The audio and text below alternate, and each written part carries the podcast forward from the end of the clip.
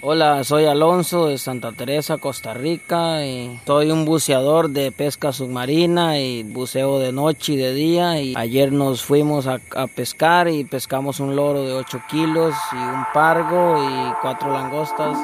Velkommen til Undervandsitetets podcast om fridykning og undervandsjagt. I studiet er fridykker og undervandsjæger Morten Rosenvold Villassen, forfatter til Hold Været, en bog om fridykning, og Johan Nielsen, Danmarksmester og nordisk mester i undervandsjagt og konsulent i fiskeri og akvakultur i firmaet Aquamarine. God fornøjelse. Goddag og velkommen til UV podcast nummer 30. Denne gang så handler UV podcast om undervandsjagt i Costa Rica.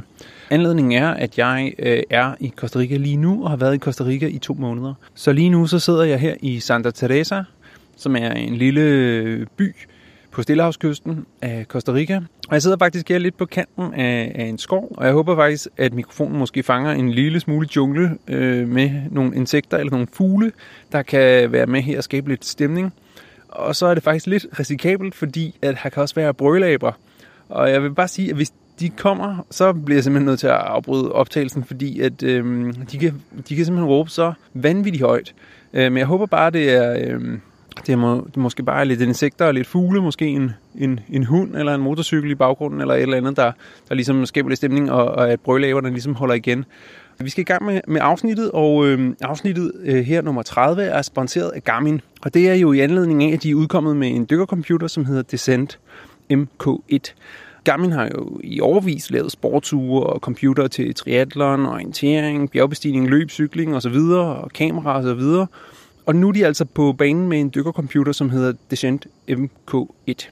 Og det ligner jo egentlig bare et pænt armbåndsur. Men altså, man kan ud over alle de der sportsfunktioner, som øh, er med for triathlon osv., så, så, så kan man altså også dykke med det, og det vil sige, at der er en dybdemåler, der er tabeller, der er forskellige øh, modes, så man kan sætte den i freedive mode, eller spearfishing mode, eller øh, de, de forskellige former for skubedykning.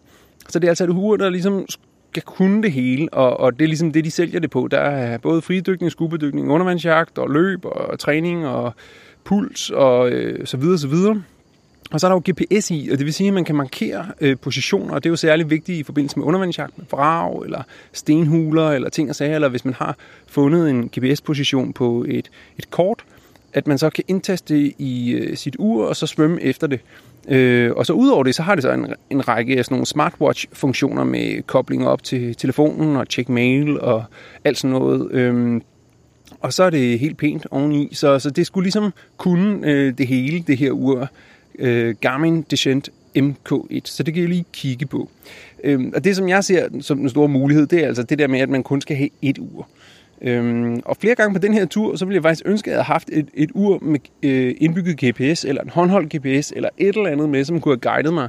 Øhm, og i øjeblikket, så svømmer jeg bare rundt med et Sunto D4, som er en, et, et, et kendt gammel klassiker, som jeg købte tilbage i 2008. Det virker stadig fint jeg har skiftet batteri og rem et par gange, men, men øh, uret holder. Øh, men jeg har virkelig manglet GPS-positionerne på den her tur. Det vender jeg lige tilbage til, øh, hvorfor dels jeg ikke har haft et ur, og, og hvorfor jeg har manglet de der GPS-positioner. Sidste afsnit handlede jo om espuma-fiskeri, altså fiskeri under bølgerne. Og det var afsnit øh, 29, hvor øh, Johanna og jeg vi talte om øh, den der form for teknik, hvor man ligger under bølgerne.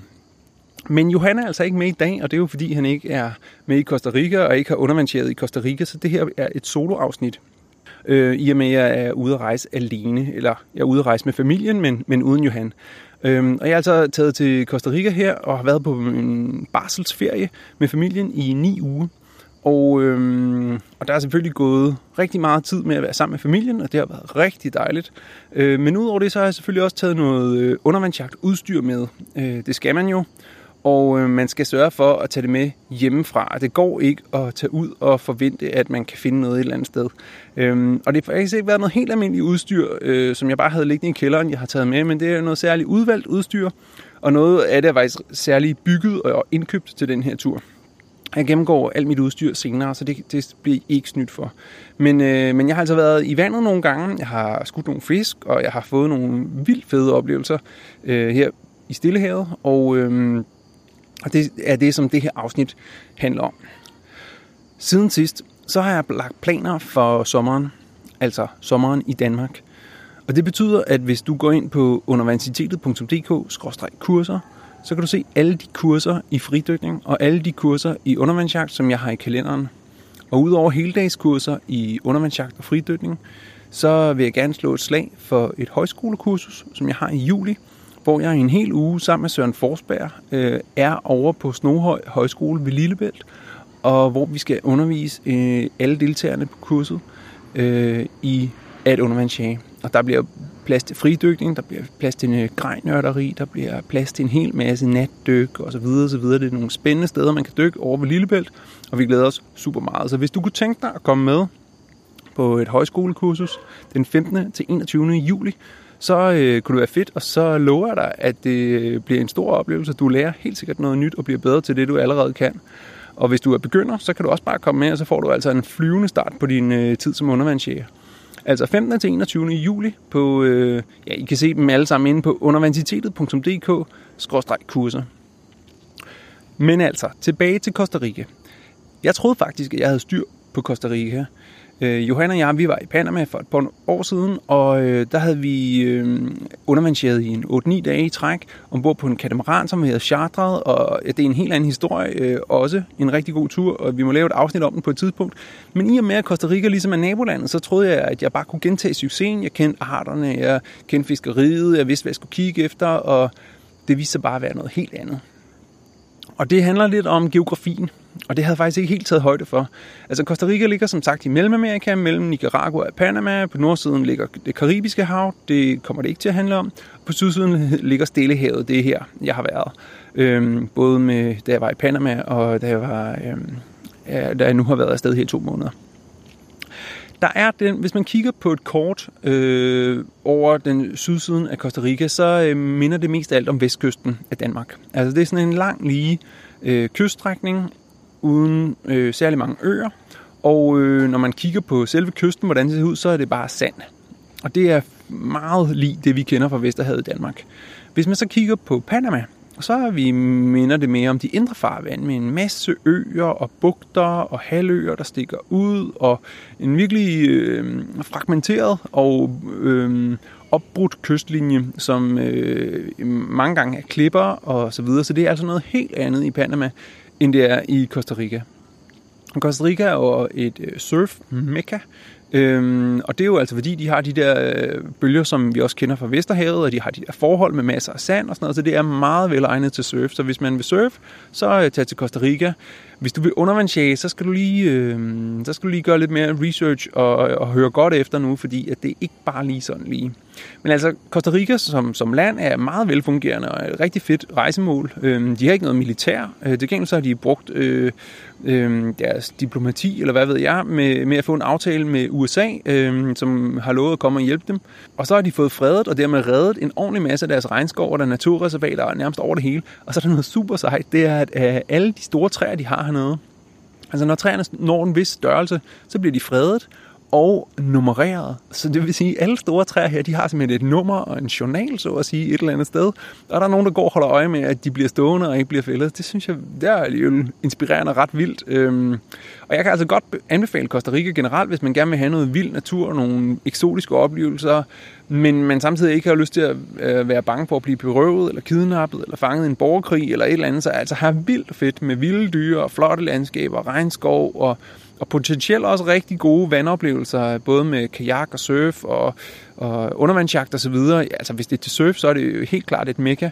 Men, øh, men også kajak øh, er meget udbredt, har stand-up paddleboard og, og så som sagt også fridykning og undervandsjagt. Og der er nogle udbydere hernede, jeg vender tilbage til det. Men øh, vi skal i gang med det, så hvis man nu skal ud og undervandsjage i øh, Costa Rica, så skal man jo have styr på lovgivningen. Hvad må man, og hvad må man ikke? Og som altid, så er det umuligt at finde ud af. Altså Danmark er et af de få lande, hvor det er nogenlunde til at finde den form for en information, og så alligevel ikke, så er der jo masser af ting, som man i Danmark er sådan lidt, ja, det tror vi, ah, det er en gammel lov, ah, hvis man spørger havnefoden, ja, skal man være 16-18, altså der er masser af ting selv i Danmark, hvor vi tænker, at det er soleklart, det står i lovgivningen. Men øh, jo mere jeg ligesom sådan har besøger flere og flere steder og sådan noget, jo mere finder jeg ud af, at det handler mere om håndhævningen af loven end den konkrete lovgivning. Så ja, altså man, man skal simpelthen spørge de lokale, man skal forhøre sig rigtig mange steder rundt, man skal spørge... Øh, øh, de forskellige kontorer, men man skal ikke stole på dem, men, men man skal dobbelttjekke og spørge en ekstra gang, og, og så er det simpelthen, øh, så må man simpelthen øh, tage bestik af de svar, man får, og, øh, og bruge sin sunde fornuft, og så i øvrigt være en lille smule pragmatisk, fordi at, at øh, man kan faktisk ikke få et, eller man kan ikke forvente, at man får et 100% klart svar, øh, selvom man gør sig umage. Nå, okay, vi skulle have fat i en licens. Så nu spiller jeg faktisk lige en lydbid fra, da jeg endelig havde fundet det rigtige kontor i nabobyen, en 40-50 km væk, og ville købe en licens til undervandsjagt i Costa Rica, så lød det sådan her. Marina, este, como albaleta, o para pescar en bote, pesca deportiva. No, pe pesca de um, arpón, eh, pesca submarina. Sí, eh, con albaleta. Sí, sí, sí, albaleta, sí. Okay, um, ¿Hay aquí o...? Sí, sí, este vale 50 dólares y es por un año. Es por un año, 50 dólares. Sí. Sí. Solo para usted. Solo para mí. Para usted, ok. nada ¿No necesito o...? Eh, Hugo, para la pesca deportiva con arpón, este, para el carnet es que la cédula y, y nada más. Sí, cédula. ¿Célula? Cédula solamente. ¿Qué es cédula? Eh, eh, pasaporte. Pasaporte tengo. ¿Con pasaporte se puede? ah? Sí, pasaporte solamente. Ok, no, no, no tengo que comprar licencia. Sí, tienes que, aquí te hacen la licencia. Ujú. Sí, pero digamos, vale 50 dólares. Ah, es un carnet. Es un carnet. Ok, Sí, un carnet. Una, una licencia ajá, pequeña, sí. ok. ¿Puedes comprar o- ahora? Sí, eh, tendrías que, para que venga Eduardo Cela, tendrías que dar un, un minutico porque el, el compañero que las hace en, en carnet digital, ahorita no está, anda afuera, ya casi viene, unos, ok. qué sé yo, 10, 15 minutos. Ok, Sí. ok, ja.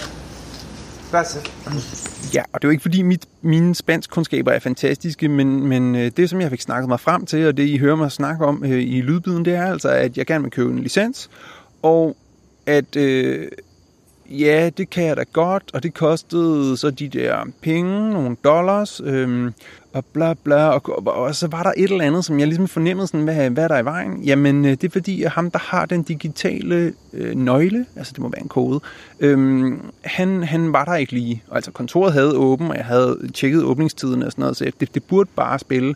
Men jeg ved ikke, han har været... der han har, været, han har afleveret børn, eller. Ja, han, han var der i hvert fald ikke. Han ville komme om en kvarter 20 minutter, og vi ventede en 5-10 minutter, og så skulle vi jo også videre, fordi at, øh, vi skulle i Nationalpark den morgen, og det handlede om at komme afsted tidligt, øh, før at der var kø øh, ved indgangen og alle sådan nogle ting. Så anyway, det endte med, at jeg faktisk ikke købte en licens til undervandsjagt. Jeg prøvede, og øh, grunden til, at jeg så endte med at konkludere, at, øh, at jeg ikke ville købe en licens alligevel, det var fordi, at jeg havde spurgt folk, og de havde sagt, nej, det behøver du ikke, eller øh, måske kan man godt købe. Jeg har aldrig hørt om nogen, der har købt den.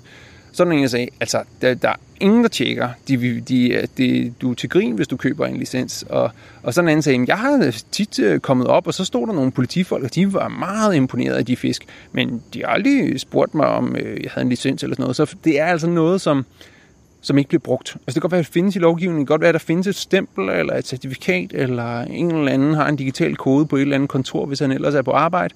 Men det er ikke noget, der bliver brugt. Så man kan sige, konklusionen for mig personligt, du må selvfølgelig vælge selv, det er, at, at øh, det behøver man ikke gå så højt op i. Og jeg skulle i vandet en, en 5-6 gange, hvis jeg var heldig, så øh, jeg tænkte, det, det var en kalkuleret risiko, at øh, der var ingen, der havde hørt nogen som helst ting omkring, at en, man skulle have en licens, eller en håndhævning af en licens i det hele taget, så øh, jeg lå være. Øh, men jeg gav det et skud, men da han så ikke var der, og, og det, er også, det er den anden ting. Hvis folk siger, at han kommer om en kvarter i 20 minutter, så betyder det, at de håber de, men det aner de faktisk ikke, om han overhovedet gør, eller måske overhovedet kommer den dag. Så øh, ja, konklusionen var for mig personligt, at øh, jeg købte ikke nogen licens. Men jeg havde noget udstyr med, Og nu vil jeg faktisk gerne gennemgå øh, mit udstyr øh, bid for bid. Og øh, forholdene hernede er som sagt, at øh, jamen, det er jo tropisk. Vi har 29-30 grader øh, varmt vand. Det betyder noget særligt i forhold til dragten. Øh, selvom jeg kun havde 1,5 mm og en 3 mm, 1,5 mm bukser og 3 mm overdel, da jeg var i Panama, så her øh, besluttede jeg mig for at, at simpelthen ikke have neopren på. Så jeg havde en lykra, altså en nylon-dragt, hvor det kun er nylon, og så havde jeg en 1,5 mm torso på. Det har den kæmpe fordel, at jeg ikke behøvede noget bly. Selvfølgelig ville det have været lækkert lige at have 2-3 kilo bly på, bæltet, men det var ikke et krav. Jeg kunne faktisk på en 4-5 meters øh, dybde, der kunne jeg dykke ned, tage fat i en sten og så bare blive liggende. Og når jeg dykkede på en 12-14 meters dybde, så var jeg neutral på en 12-14 meters dybde. Og det vil altså sige, at jeg ikke behøvede at få fat i bly, øh, hvilket altid er et problem lokalt. Og jeg behøvede ikke flyve med det, hvilket er pain in the ass, så, øh, så det slap jeg for, fordi jeg havde en lykra dragt. Jeg altså, den er jo super tynd, og det betyder, altså det betyder, det er jo ret nok, at du ikke får solskolding og sådan noget, og, og du skal jo have en på, for ligesom at også beskytte dig mod øh, brandmænd og øh, koraller og øh, skarpe klippekanter og i det hele taget, sådan, altså beskytte din hud og dig selv, øh, ikke mindst mod solen. Men, men, øh, men man føler sig meget eksponeret alligevel, fordi den er så tynd, så hvis du ligger der op af en klippe eller sådan noget, så kan du simpelthen mærke de små sådan, u, ujævnheder, der er på en klippe og sådan noget. Det er altså lidt uvandt for en undervandsjæger, så man, bliver sådan, man føler sig lidt nøgen, når man har sådan en lykkerdragt på. Øhm, men altså, øh, og så, og så købte jeg bare en standardstørrelse, og den har ikke passet helt. Den har været en lille smule for stor, men det betyder ikke så meget, fordi der er simpelthen så meget vandgennemstrømning, og vandet er 29-30 grader varmt og sådan noget, så at den ikke sidder 100% til, det betyder faktisk ikke så meget. Øhm, men det var meget lækkert lige at have en halvanden millimeter på øh, i, i torso øh, på, på over, overkroppen der.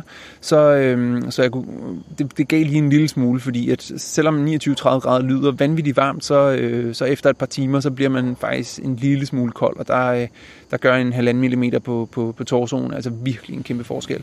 Øh, udfordringen var så, at, at, at den skavede, eller den gnavede mig lidt øh, i armhulerne, øh, og det fik jeg faktisk aldrig helt løst. Så det, det kan være, det er mærket, eller det kan være, at den sad for stramt, eller et eller andet. Men hver gang jeg havde, havde brugt den, så havde jeg en lille smule sådan rødmen i armhulerne øhm, den, den sidste halve time, eller sådan noget, begyndte at genere mig. Sådan, så det var lidt irriterende. Nå, men det var en udmærket dragt. Øhm, jeg kan lige linke til den inde på uvpodcast.dk-30. Inde på uvpodcast.dk-30, der laver jeg faktisk en hel liste over alt det udstyr, jeg har haft med. Øhm, så vi går videre. Det var først øh, våddragten, og så var det handsker og sokker. Der har altså bare købt nogle øh, 1,5 mm no-name øh, sokker. Jeg tror, de hed Dive. Jeg kan faktisk ikke huske, hvad de hedder. Dive et eller andet. Øh, jeg kan linke til dem. Øh, det er ikke så vigtigt. De, de fungerede fint nok. Der gik hul på sokkerne, der faldt på et tidspunkt på, en, på nogle klipper, men, men øh, ja, det er nok, hvad man kan forvente. 1,5 mm sokker, 1,5 mm handsker, de holder ikke for evigt, det skal de heller ikke. De holder bare til den her tur, det var fint. Og så havde han harpun. Og den her harpun, det er faktisk, altså den har en ret fed historie, fordi at jeg vandt den, da jeg vandt førstepladsen i Danmarksmesterskabet i undervandsjagt i 2016. Så den var sponsoreret af Dive Center, og er den der øh, bambuskrop, øh, som de kalder gunier. Og det er en super lækker, flot harpun, og øh, den havde jeg så fået sat op med det, man kalder fusion-system, så det ligesom er ligesom roller, men hvor at i stedet for en lang elastik, så er det to elastikker øh, og så noget dyname, der sætter det sammen. Det er øh, super spændende med de her øh, power setups, man kan lave til harpuner, og det giver super meget mening, når man bruger det. Men det er lidt indviklet, dels at forklare, og det ser helt vildt ud med tovværk og trisser og lodder og ting og sager, øh, når man ikke lige har overblik over det. Så jeg vil sige, fordi jeg fik så, ud over det, så til den her øh, tur her, så fik jeg så sat den op til en nyt form for øh, power setup her. Øh, Demultiplied 2, eller Demo 2, som man kalder det. Og det vil sige, at der er flere elastikker, øh, og der er nogle trisser, og, øh, og det er faktisk super lækkert at skyde med. Øhm, og jeg fik sat den op, så den virkelig kunne skyde. Triple wrap, og det var en gut, der hed Kenneth øh, William Holm, som øh, har sat det op for mig, og han gjorde det super flot. Og udover det, så fik han lige lakeret harpunen, og lige lagt lidt kulfiber på ned ved håndtaget, og en forstærket hist og pist, og sådan han har virkelig pimpet min, øh, min gun. og, øh, og det er virkelig fedt at, at have så lækker en harpun nu. Øhm, men der er virkelig mange øh, lodder og trisser, så at sige. Og det sjove er jo, altså, at, at sådan en som Johan og, og nogle andre, altså nogle mere konservative øh, undervandsjæger, de, de, øh, de fik så øh, sagt, ah, det er heller ikke til at finde ud af med alt det der snorværk og ting og sager. Og en, der hedder Mads øh, Ejnes Tønder, som øh, er inde i øh, supportgruppen for øh, UV Podcast på Facebook, han skrev, at øh, de havde flere lodder, trisser, eller mere tovværk end fregatten Jylland. Så altså, det synes jeg bare var så fedt sagt. Så, så jeg har altså opgældt øh, min harpun efter fregatten Jylland, fordi den er sat op med det Demo 2-system. Øh, og det kan man grine af, og alle sådan nogle ting, og det ser også vildt ud, når den ikke er lat. Men når den er lat, så ser den bare mega sej ud, og den skyder pissegodt og hårdt. Og det er jo kun 75 cm gun, fordi den her gang, så var mit krav til alt mit udstyr, at jeg vil ikke have ekstra sportsudstyr, så det skulle kunne passe ned i en rygsæk. Godt nok en stor rygsæk, men i den store rygsæk, som jeg købte, da jeg øh, rejste gennem Afrika for, for små 10 år siden. Så det skulle alt sammen kunne være der. Og det kan det næsten. Øh, så harpunen blev altså en 75 cm harpun med 100 cm spyd i 8 mm. Og så det der øh, triple wrap, det vil sige en, en lang snor på, og så det der setup med det der Demo 2 øh, system. Det lyder ret avanceret, det er det vel egentlig også. Øh, jeg vil sige, at jeg var ret tilfreds med den. Dog manglede jeg en lille smule power, og det skyder jeg skylden på, at jeg havde valgt et meget tykt spyd for at få meget penetration øh, på fisken. Øh, så jeg skulle nok alligevel ikke have gået helt op i 8 mm, men bare i 7,5 mm. Så havde jeg haft lidt mere hastighed på spydet, og øh, lidt mere øh, kraft ude i, i længden. Altså det mistede simpelthen, øh, den mistede simpelthen noget, noget power helt ude, så den kunne næsten ikke skyde linen ud, mens altså, den var så også rappet op tre gange. Men altså, det var harpunen. Jeg synes, det var super fedt at skyde med den. Jeg skal lige have justeret en lille smule mere, et lettere spyd. Men så er det virkelig en, en power harpun, jeg har der, og den øh, er pisseflot. Så tak til, øh, til hvad hedder det, øhm, til øh, Lamberto, som jo har, har lavet den der krop der, og så Kenneth William Holm, som har sat den op med det her system her. Det er super lækkert. Og så skal man jo ikke glemme, at det er jo en, en Danmarksmester harpun, som jeg vandt til Danmarksselskabet i 2016. Så det er også en, en vigtig del af historien med den harpun. Nå, nok om den harpun. Finderne, der måtte jeg igen, fordi jeg vil have alt øh, udstyret skulle være kort, så øh, måtte jeg også lave korte finder. Og det lyder jo mærkeligt, for man anbefaler jo altid lange finder til undervandsjagt. Og det øh, savnede jeg også, men faktisk mindre end jeg troede. Så det er sådan nogle mellemlange finder, det vil sige, de er cirka 25 cm kortere end normale undervandsjagtfinder. Øh, jeg købte dem fra Leaderfins, og findebladet er ok. Det er en lille smule for hårdt for, for min øh, smag, men, men, øh, men det er ok, når det er så relativt kort fordi så, øh, så skubber man ikke på så meget vand, og så er det meget rart, der er noget respons. Jeg vil sige, at, at jeg har dykket til 14-15 meter uden problemer, og ikke manglet power osv., men jeg har alligevel tænkt over, at jeg synes, at øh, fodlommerne var en lille smule for tunge. Og derfor vil jeg anbefale, at hvis man prøver at gøre det samme som mig, at man så ikke vælger fodlommer fra Leaderfins, men måske vælger nogle fodlommer fra Patos, eller der er også nogen, der hedder... Og det har jeg faktisk glemt. Nå, men der findes nogle fodlommer, som ligesom udmærker sig ved at være meget lette. Og især til rejsebrug og sådan noget, så er det irriterende, at ens øh, svømmefødder, selvom når man har valgt nogle korte, rent faktisk vejer 2,4 kilo. Øh, det ved jeg kan gøres meget lettere, måske næsten halvdelen. Det er bevidst, at jeg valgt glasfiber frem for kulfiber, fordi glasfiber er mere robust og jeg vidste, at jeg skulle ud i nogle hårde bølger og måske behandle dem rigtig skidt, og jeg ville ikke have mulighed for at erstatte dem, når jeg var fremme, så de måtte bare ikke gå i stykker, og derfor valgte jeg glasfiber frem for kulfiber. Havde man valgt kulfiber, så ville man også have en lidt lettere finde. Så ja, der, var, der, er, der er et par ting omkring, primært med vægt, jeg vil justere det, men ellers har jeg faktisk været glad for dem. Altså nogle mellemlange øh, finder fra fins? En maske, der har jeg haft øh, min micromask fra Technisop, som jeg har haft i 1000 år, og som jeg bliver ved med at bruge. Det er, for mig er det den bedste maske, man kan få. Der findes en del øh, kopier af den maske, og de er faktisk lige så gode. Øh, nu er det lige originalen, jeg, jeg hvad hedder det, svømmer rundt med. Men, øh, men for mig er det altså øh, den bedste øh, maske, Micromask. Og så er der snorkeling. Det er faktisk bare en gammel snorkel fra Ægypten. Øh, et simpelt rør, øh, plastikrør øh, med mundstykke ingen digedarer, ingen ventiler, ingen bølgebrydere, ingen noget som helst. bare en snorkel. Og jeg har ikke engang nogen, øh, hvad hedder det, snorkelholder. Jeg har bare sat den ind under maskestroppen. Øh, super simpelt. Så er en torpedobøj. Jeg kan faktisk ikke huske, hvilket mærke, men det er sådan set også lige meget. Det vigtige at fortælle er, at det er en torpedobøj, og den har en dobbeltblære og at, øh, eller den har en blære, og så har den beskyttende overtræk ud over det. Og så har jeg en 30 meter øh, Rob Allen fletline, og det var vigtigt for mig, at det var en 30 meter line, sådan at de fisk, jeg skød, de hang på torpedobøjen, sådan at hvis at der var hajer eller krokodiller, som der rent faktisk er i området, at øh, så tog de fiskene fra bøjen, og at bøjen var langt væk fra mig, eller i hvert fald kunne være langt væk fra mig. Øhm, og så derfor havde jeg en 30 meter Rob Allen fletline. Ikke fordi jeg regnede med at rende rundt på 30 meters dybde. Jeg kom højst på cirka 15 meter på den her tur. Men, øh, men jeg synes faktisk også, at, at man, øh, man skal have tæt på det dobbelte øh, i, i, øh, i bøjelinjen længde i forhold til ens maks, max dybde, hvad man forventer at dykke. Så det var altså en meget lille, meget stærk og meget, øh, jeg synes også meget, meget effektiv, fordi den rent faktisk flyder, og, øh, og den koster ikke særlig meget, 30 meter fra Rob Allen.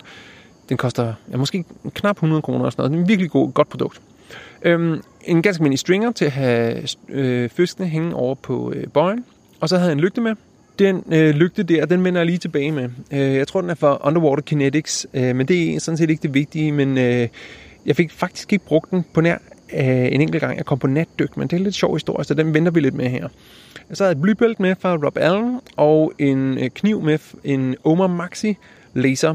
Og det skal altså være en stor kniv, når man er sådan et sted som Stillehavet, eller Norge, eller sådan et eller andet. Så man kan ikke nøjes med det, man bruger i Danmark. Øh, I Danmark bruger jeg en Omar Laser, og det er en god kniv. Og jeg ved faktisk, at Omar Maxi Laser ikke er så god en kniv. Det er sådan lidt for spinkelt blad i forhold til, hvor langt det er, og hvor store fisken er og sådan noget. Så det bliver nemt bøjet eller deformeret på en eller anden måde.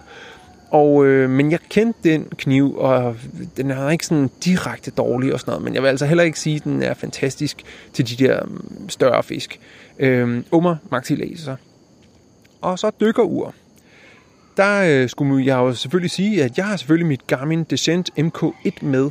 Øh, det er jo dem, der er sponsor for, øh, for øh, episoden. Men, øh, men det, det havde jeg ikke. Og det var fordi, at jeg ikke kunne få fat i, i et eksemplar fra Garmin, inden jeg tog afsted øh, i januar. Så, øh, så tænkte jeg, øh, Garmin de tænkte, at det var, det var de godt nok ærgerlige over, men de ville bare sende det med, med, med, med en kurér. Så sendte de det øh, med posten, så at sige, øh, og så kunne jeg bare hente det. Øh, ja, og, men øh, hvis I nogensinde skal, skal til Costa Rica, så lad være at prøve at modtage en pakke. Det er umuligt, nej, det er svært, og det er meget dyrt. Øh, Costa Rica har indrettet det så snedigt, at øh, de har helt vanvittig importskat øh, skat på de ting, som man sender til landet. Og øh, selvom at, øh, at jeg skulle bare lige have et, øh, et ur, og det er selvfølgelig øh, mange penge, men, øh, men der er også et kamera med og sådan et eller andet. Jeg, der var måske produkter for, hvad ved jeg, 12.000, 15.000, et eller andet, øh, som jeg skulle have med til fra Garmin, undervandskamera og 360 grader kamera, og så det her Garmin Descent MK1. Og, og øh, jeg fik så at vide efter alt for lang tid, synes jeg, at, øh, at DHL havde dem klar, og jeg skulle bare øh, indbetale det her Shio-kort, og det ville så kun koste øh, 3.058 dollar at modtage øh, min pakke. Så, øh, og det meddelte jeg Garmin, og, og de overvejede ikke lang tid, men besluttede så, at de måtte nok hellere få, få tingene tilbage, fordi at, øh, det var jo helt, jamen, det er jo en helt vanvittig øh, skat at skulle betale for at importere noget. Men altså, mange ting her i Costa Rica er vildt dyre, fordi at deres importskatte er helt altså, sky høje priser for at modtage noget som helst øh, her i landet. Så hvis I nogensinde skal til Costa Rica, så tag det med hjemmefra, fordi det er simpelthen så dyrt at købe hernede eller få tilsendt hernede.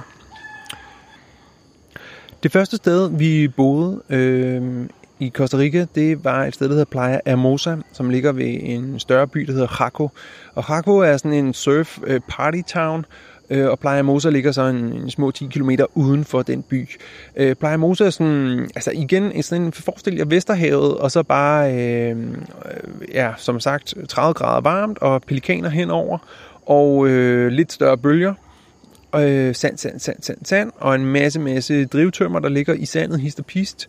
Øhm, men så har man det stort set. Altså, der var, der var ikke så meget liv i vandet, lige, lige præcis der, hvor vi boede. Jeg så, oh, jeg så faktisk springende rokker øh, lige ude for, for brænding, og det er selvfølgelig, ja, det er selvfølgelig vildt eksotisk. Men, men, men det var bare sand primært. Jeg var lige ude og teste snorkelgearet på gange øh, i bølgerne, og der, det var bare sandbåd. Øh, fint nok, men op på hjørnet, der var der sådan et sted, der hed... Øh, Øh, Guapinol, som var sådan en, øh, en klippe, klippe i strækning, øh, som ligesom brød, brød kysten.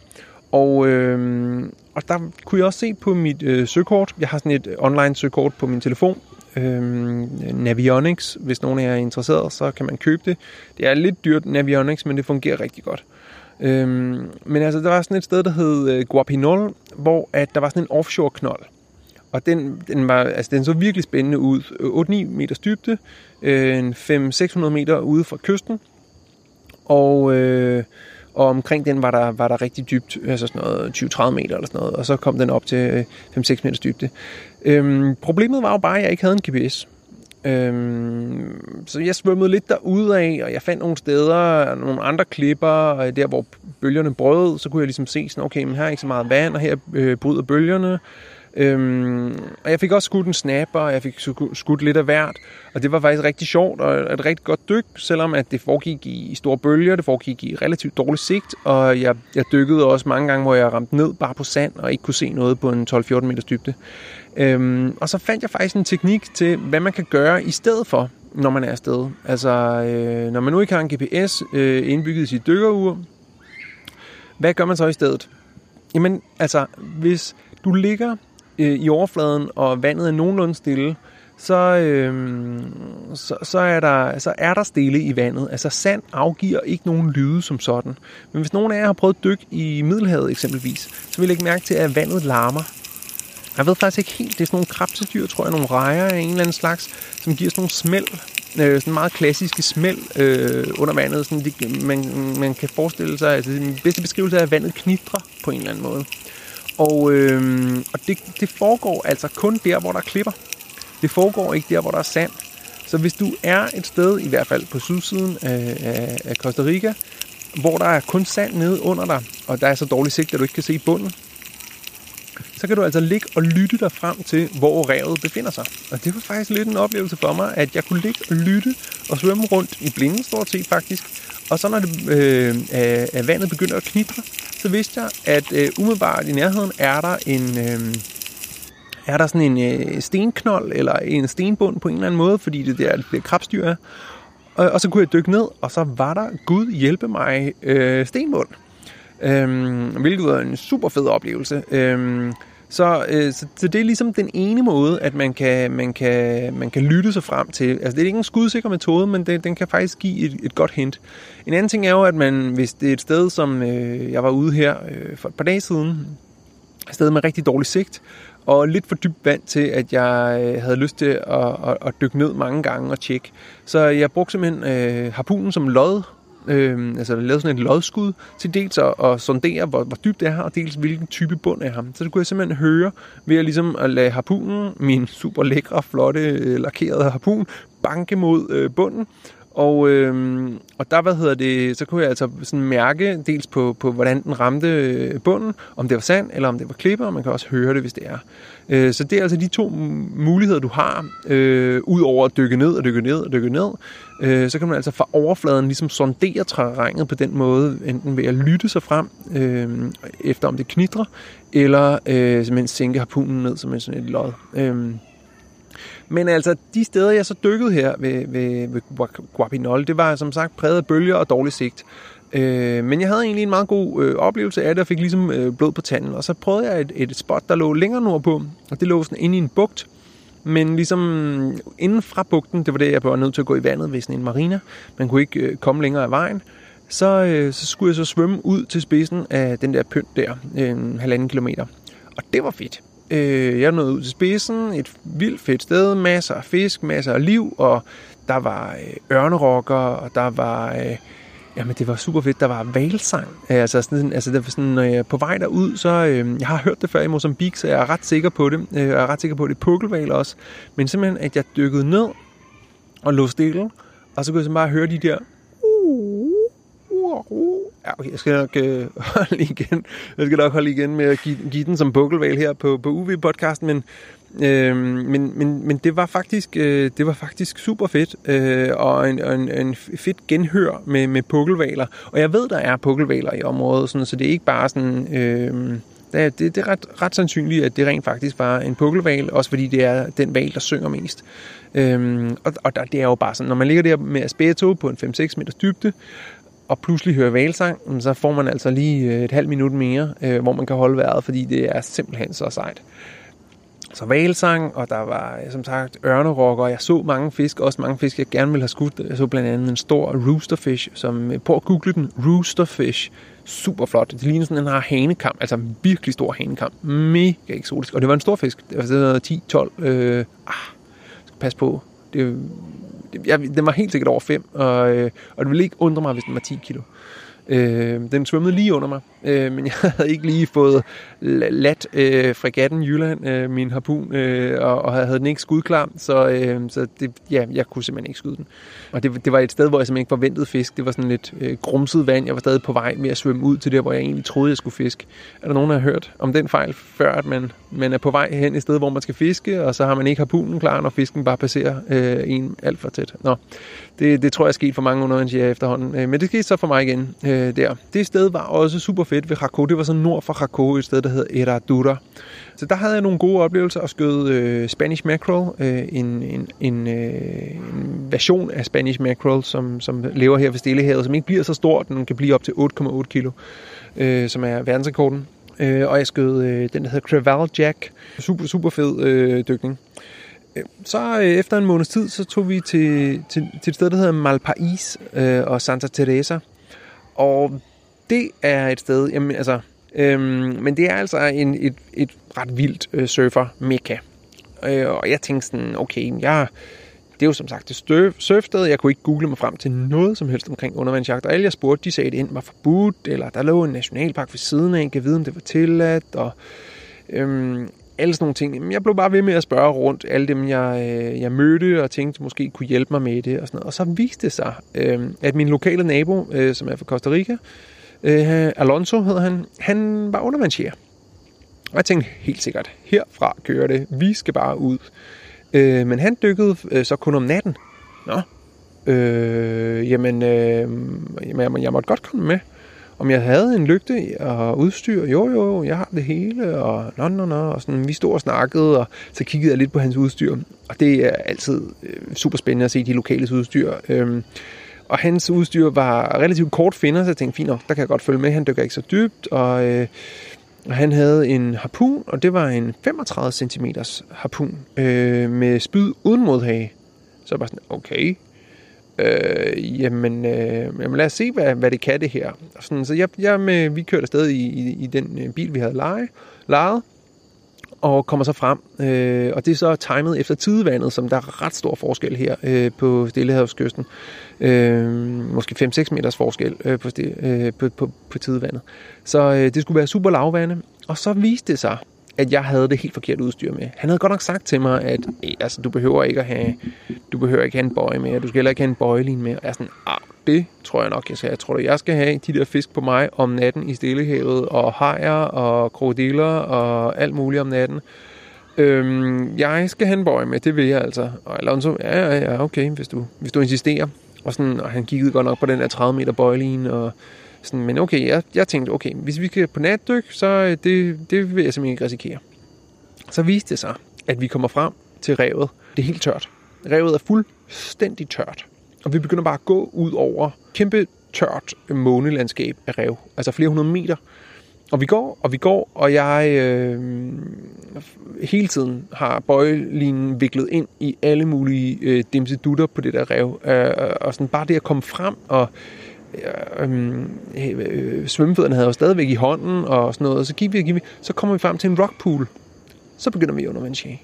Og, så var sådan, altså, og det er en rockpool på størrelse med en halv badmintonbane eller sådan noget, så det er jo sådan, okay, øh, jamen vi, øh, vi prøver, jeg sådan, var sådan meget sådan, hvad søren og sådan noget.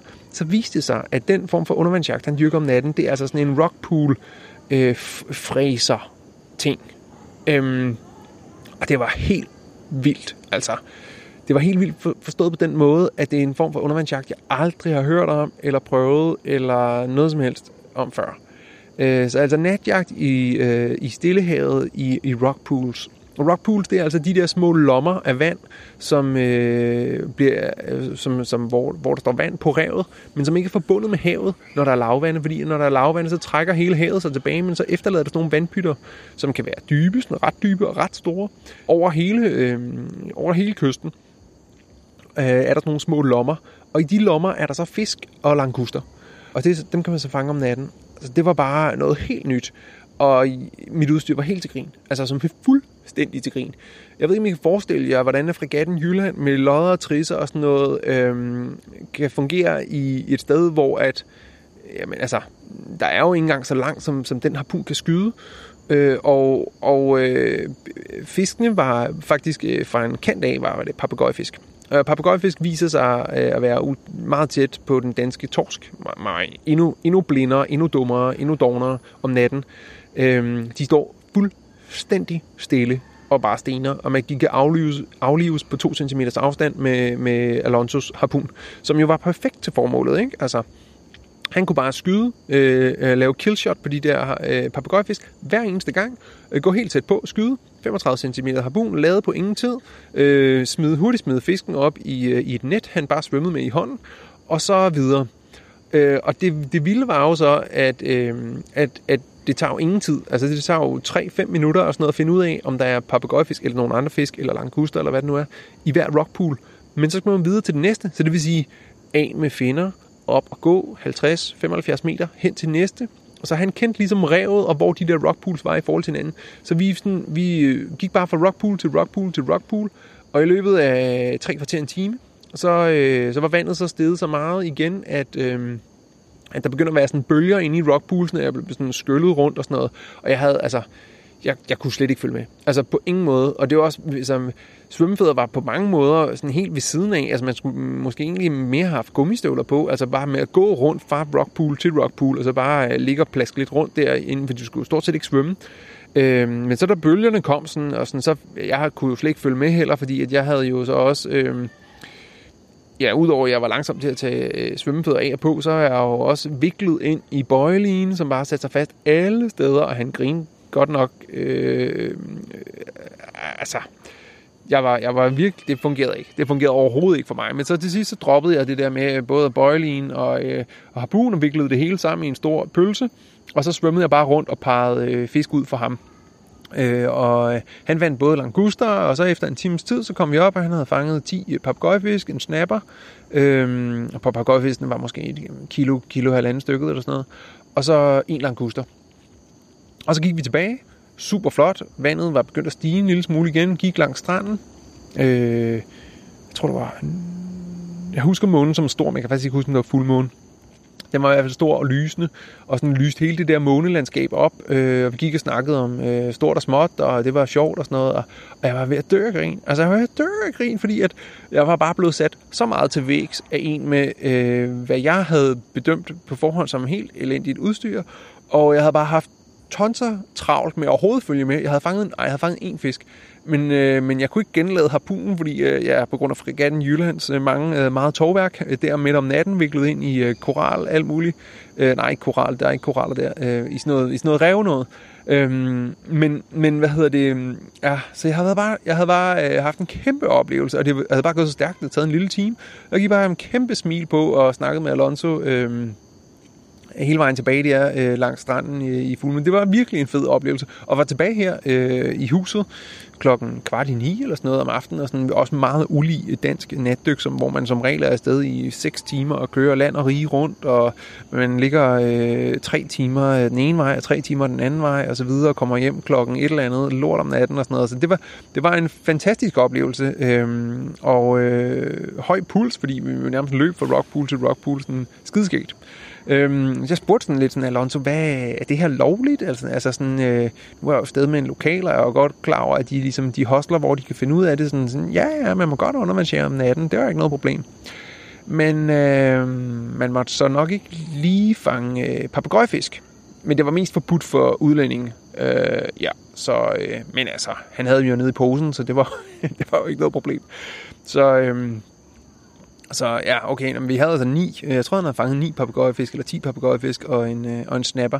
Så, øh, så det, var, øh, det var ikke helt lovligt, øh, i hvert fald fiskeriet efter de der papegøjefisk, men, øh, men tippet med at finde languster i de der rockpools om natten, det er hermed givet videre, og det er i hvert fald skide sjovt. Men prøv at komme afsted med en lokal, fordi jamen, det, det kræver lidt... Øh, altså, jeg havde aldrig fundet de der rockpools ude på det der rev ved lavvandet, og vidste de der ting om, hvordan man ligesom kunne løbe den der rute fra rockpool til rockpool og nå tilbage dertil, og så steg vandet og alle sådan nogle ting. Men super fed oplevelse, skideskægt. Øhm, så, øh, så alt i alt, så, øh, så vil jeg sige om Costa Rica, at jeg jo faktisk inden at nu, nu har jeg jo kun taget ud selv, eller med lokale, øh, men man kan faktisk også komme ud med charters, og det lyder faktisk til, at det er nogle ret fede charters. Altså det er sådan noget, så får du virkelig det der tropiske. Så kommer du ud med en båd, du kommer ud med nogle guides, og du kan altså fange tun, og du kan fange øh, øh, wahoo, og alle de der blue water øh, arter, øh, som, som virkelig kan give kæmpe store oplevelser. Problemet er, at det er skide dyrt. Og det er derfor, jeg ikke har valgt at gøre det. Altså, vi snakker øh, nemt øh, 600 dollar øh, for en dag. Øhm, og, og der er ingen tvivl om, at du får store oplevelser. Der er ingen tvivl om, at du har chancen for at fange dit livs fisk. Men jeg havde altså ikke lige lyst til øh, selv at betale øh, 3.000 øh, for at tage ud og øh, undervandsjage øh, øh, bare en enkelt dag. Så, øh, så hvis du gør det, så, øh, så tror jeg faktisk, at, at Costa Rica er et rigtig godt bud. Der er to, nej tre steder, jeg ved, at man kan gøre det. Der er dels i Tamarindo, helt op nordpå på Stillehavssiden. Så er der i Jaco, hvor jeg var, og var i kontakt med dem. Øh, de var også for dyre, og så er der helt nede sydpå.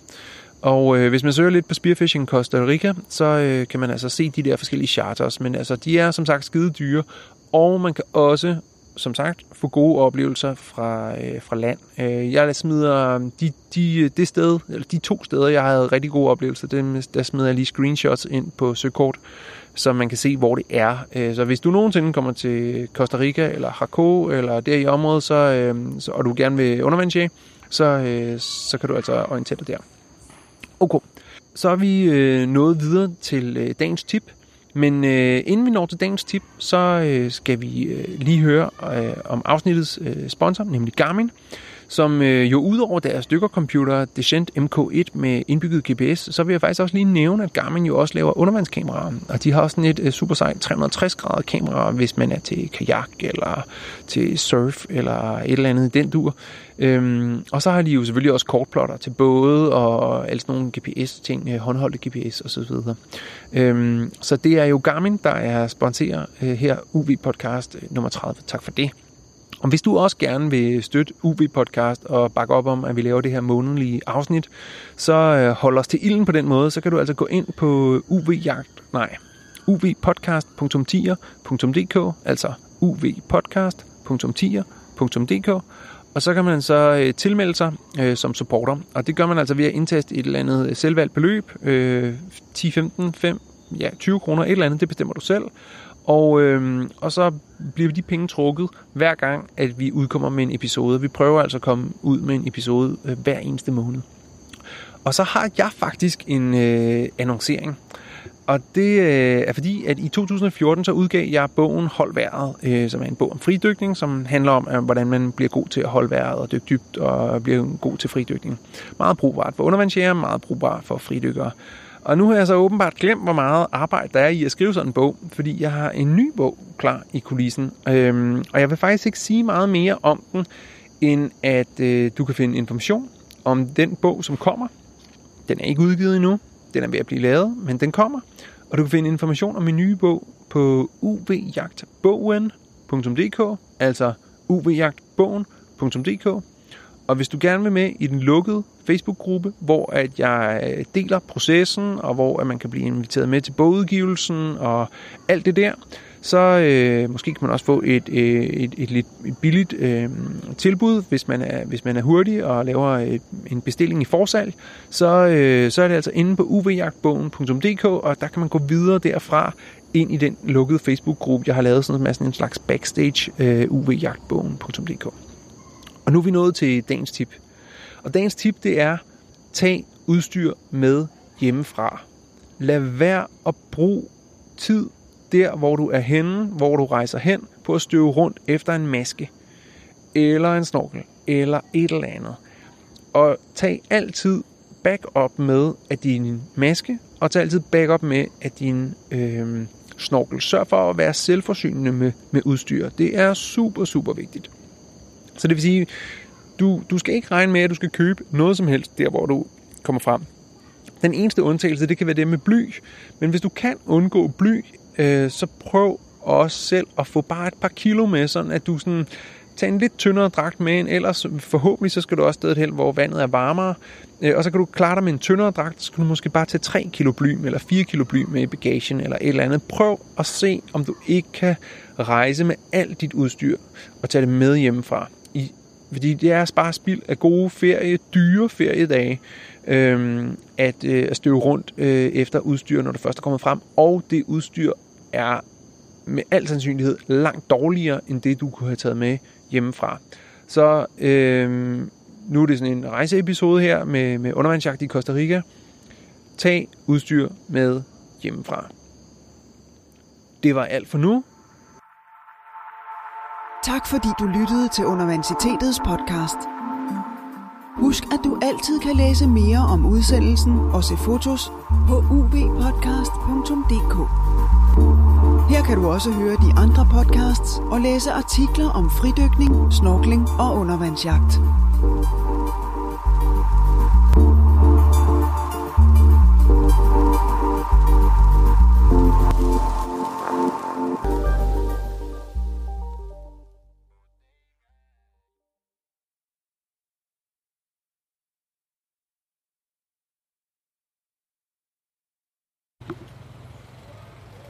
Jeg står her i Santa Teresa, som er sådan en surftown ved Stillehavskysten. Jeg står nede på hovedvejen.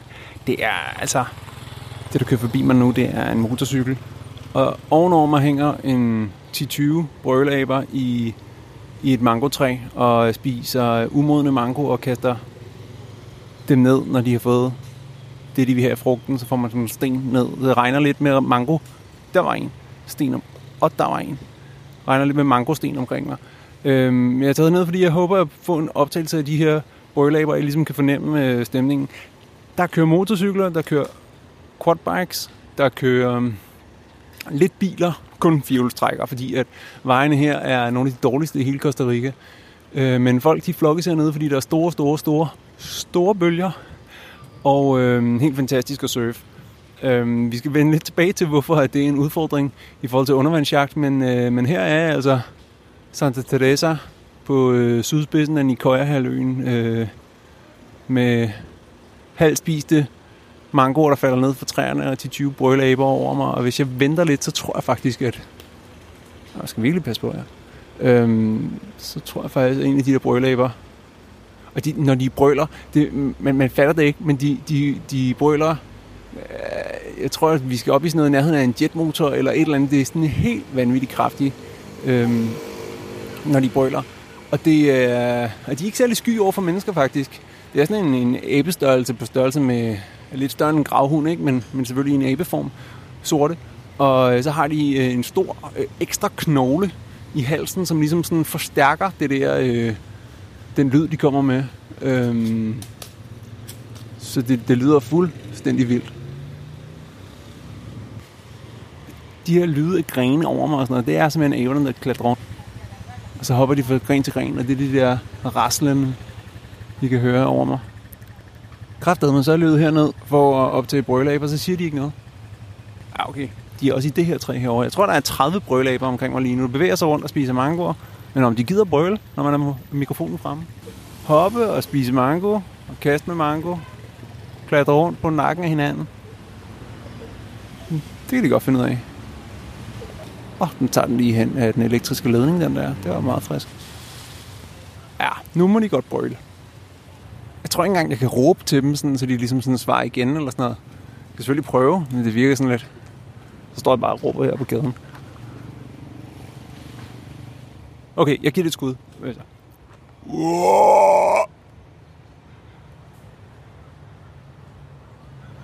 De, de klatrer bare videre.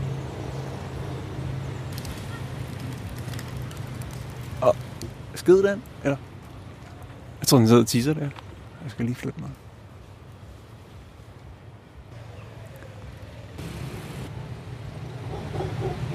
Ja, der var sgu da et lille bitte, bitte, bitte, bitte brøl, var. Lad os håbe, det kommer lidt mere. Nu går jeg hen til den der, der sagde noget lige før. Det er altså en, der sidder lidt længere væk, det her. Men den siger den der brølæbelyd. lyd Men altså, det er ingenting i forhold til, hvad de kan præstere. Nu tror jeg, jeg lige under den der, der sagde noget før. Kom så. Øj, den... Oh, okay. Det var godt. Den, okay, øh, jeg blev faktisk forskrevet. Den, den hoppede mod mig, øh, men, men landede på en gren lige over mit hoved.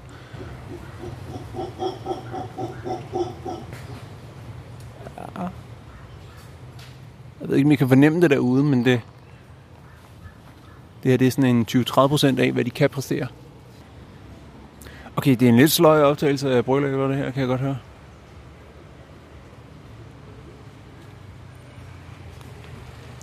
Vi befinder os på den øh, centralamerikanske stillehavskyst. Det er brølæbernes spisetid, og de er gået op i mangotræet. Og det er den store han, som leder foran. Og se så her.